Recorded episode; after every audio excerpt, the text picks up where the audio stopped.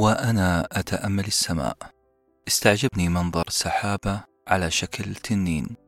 ابتسمت ومارست طقوسي التأملية والتعجبية. وهمست. الله. صديقي اللي بجانبي لم يكن أقل استعجابا واستغرابا من المنظر. التقط الجوال كالعادة وأخذ صورة للسحابة. وأرسل سناب طبعا. بصراحة زعلني وأنا مبسوط. وبدأت أرمي عليه التهم بأنه يفتقد للرومانسية يفتقد لعيش اللحظة فبدلا من أن يشبع عينيه بالمنظر الجميل راح يصور السحابة ويوثق شكلها التنيني.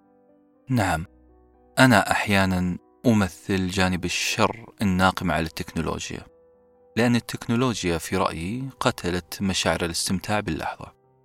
صديقي ما سكت رد علي ردا مبرحا وقال لي أنت بمزاجك تحكم على الناس؟ بمزاجك تقرر كيف أستمتع بحياتي؟ مين قال لك أني ما استمتعت بالمنظر وفي نفس الوقت أخذت صورة. ما أدري ليه تذكرت هذه القصة عندما شرعت في كتابة هذا السكريبت. إحنا فنانين في رؤية أشكال في السحاب. كبشر نحب نعطي الأشياء معنى. نكره نتركها بدون معنى. إحنا كائنات نحب معنى الأشياء. لكن عيبنا برضو كبشر إننا بعد ما نعطي الشيء معنى ونتعود عليه ننساه ويصير من المسلمات. نحن نشهق وننبهر لما نشوف برنامج عن النجوم والكواكب ولا نسمع شرح عن سرعة الضوء أو نقرأ مقال عن عظمة وعبقرية اليد البشرية. رغم أن النجوم والضوء واليد هي أشياء نشوفها يوميا مسلمات في حياتنا. إلا أننا ننبهر لما ننظر لهذه الأشياء في جوهرها لما نبحث أكثر في كينونتها. طيب وين المشكلة؟ المشكلة أننا نحتاج أشياء تساعدنا على الانبهار. إعادة اكتشاف كينونة وجوهر الأشياء. حياتنا تحتاج كاميرا انبهار.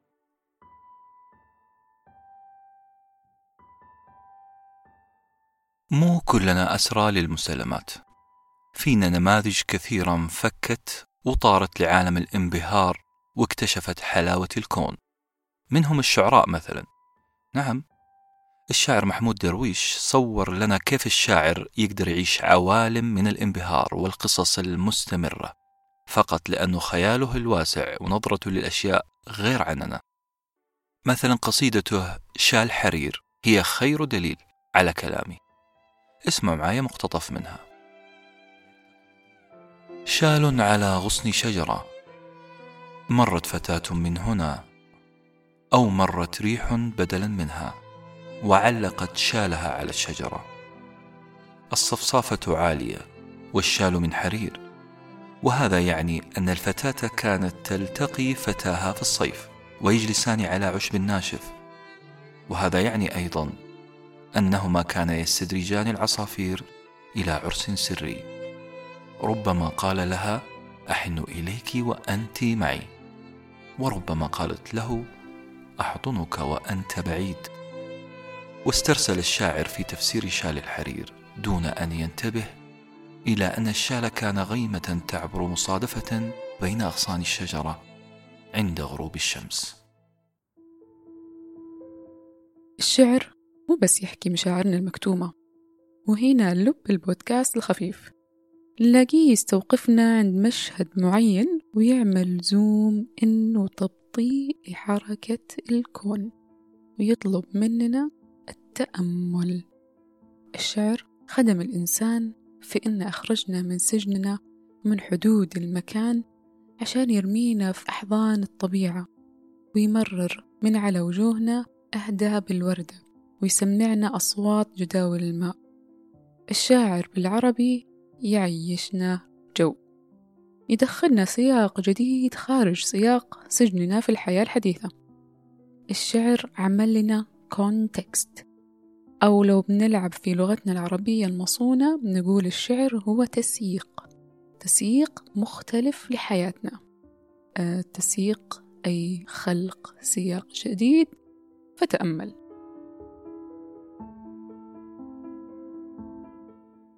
التسييق هذا المصطلح اخترعناه.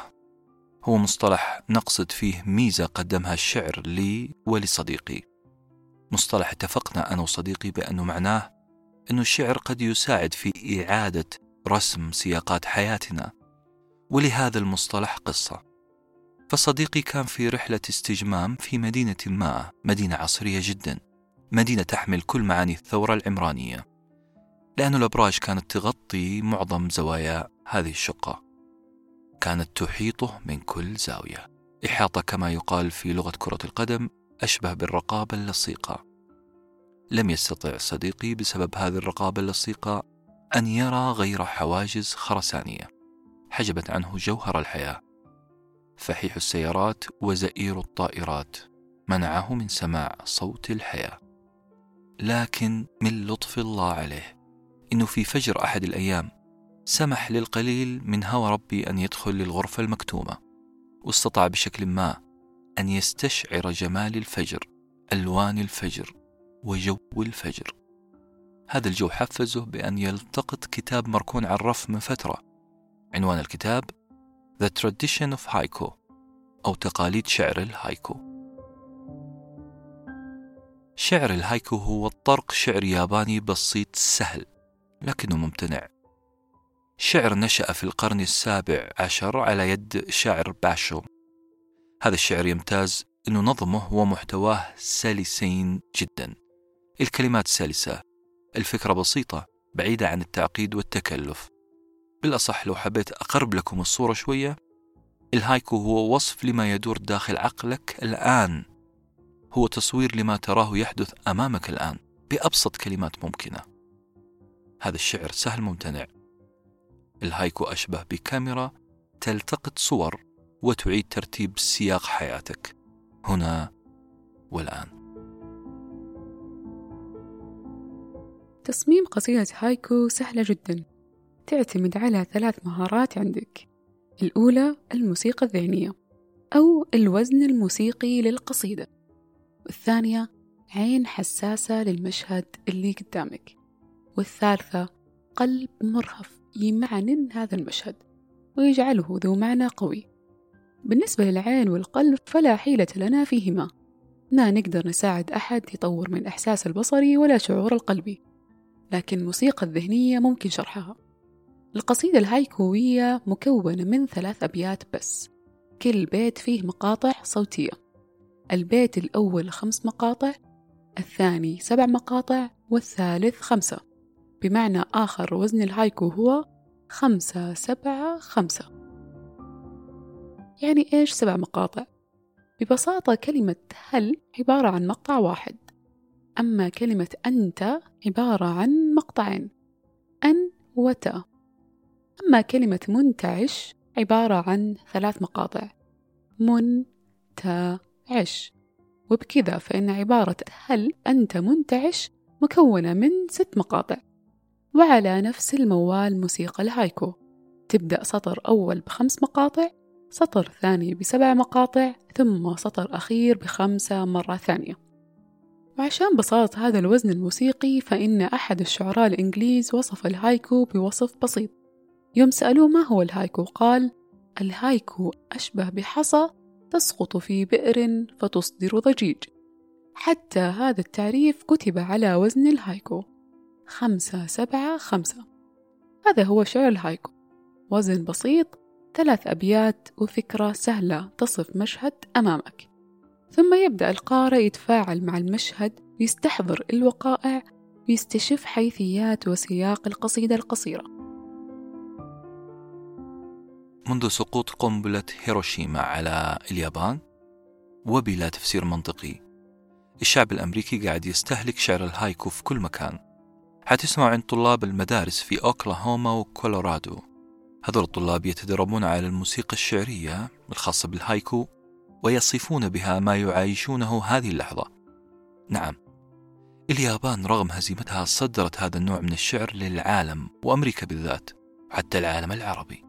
وأثرت هذه الحركة الهايكية على الأدب ككل لدرجة أن النقاد والمؤرخين يعتبرون الهايكو سبب مباشر لظهور المدرسة التصويرية في العالم اللي تسمى ب Imagism